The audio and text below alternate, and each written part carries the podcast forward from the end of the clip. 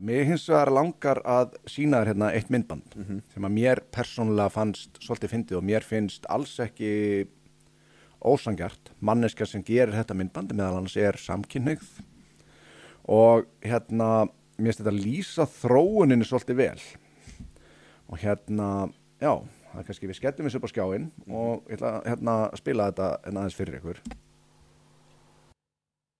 We want to get married. Sure. Yeah. Okay. There you go. Have fun. Oh, that was easy. Okay, we want gender affirming care for adults. We want adults to be able to transition. Yeah. Sure. Yeah, you're you're grown. You make your own decisions. Go go for it. No no one's stopping you. Okay.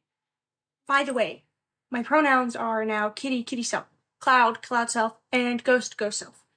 And if you refer to me as anything but those things, you are homophobic.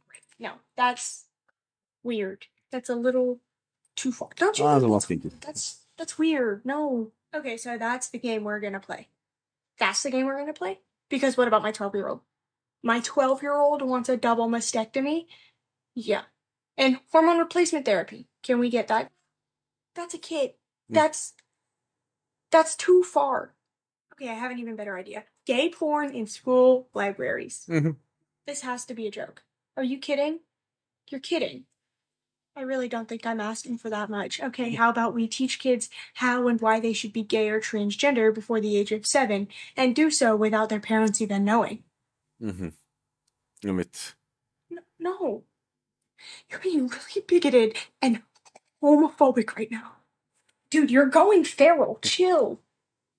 Já, nákvæmlega. Já, mér, Þetta lýsir þessu mjög vel, eða svona upplifun manns af hvernig þessu, þetta hefur verið að þróast, þessi orra, það er svona alltaf svona einhvern veginn, farið alltaf lengur og lengra.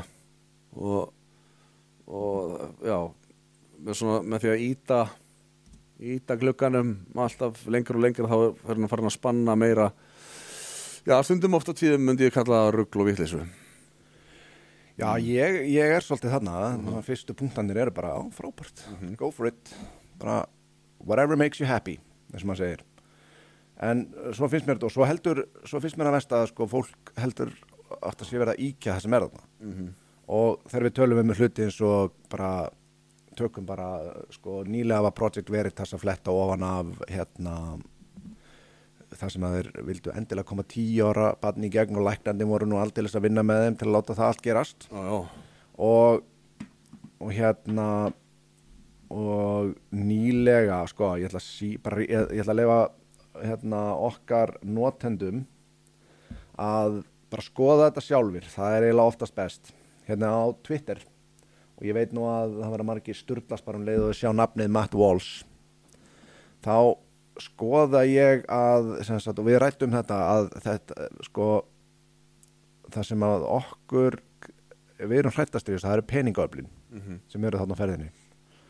Og hann flettir þarna ofan að þeir fara með eitt pródúsentin hans í gegnum prósess og það tekur hann 22 mínútur að fá uh, stimpil upp á það að hann megi uh, klippa sér tólinn og hérna flett, Skoðanlega geðalækni eða sálfræðingi eitthvað svo lýs. já, þarna er sem sagt einhver mikill um, Ari Groner uh, licensed clinical social worker who educates doctor on trans healthcare.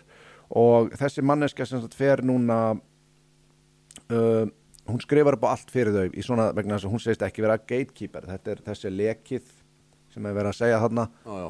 og ég, eh, við, við gætum eitt já, heilu þætti bara í að kofera þetta. Þannig að ég vil bara endilega bara hvetja fólk til að fara og skoða þetta því þetta er líni líkast. Og þarna, þarna gerist það að það er flett ofan að stæstu transklínikum í bandaríkjunum sem eru bara að gefa þetta út uh, án þess að fólk falli undir þessa skilgreiningu á nokk nátt Já, já. vegna þess að það er þá borga tryggingarnar Einmitt. Það er sko bæði stóru livjarísarnir sem að selja hormónalifin og, og allt, allt lif sem að fylgja þessum aðgerðum og, og, og alls konar hagsmunur aðeins sem er komið auðvitað því að þegar það er þegar við erum að tala um ávísun á peninga langt fram í framtíðina fyrir hvert einasta tilfelli sem að þarf á svona meðferð að halda þá eru auðvitað hagsmunir þessara stóru risa þeir að fá sem flesta í þetta.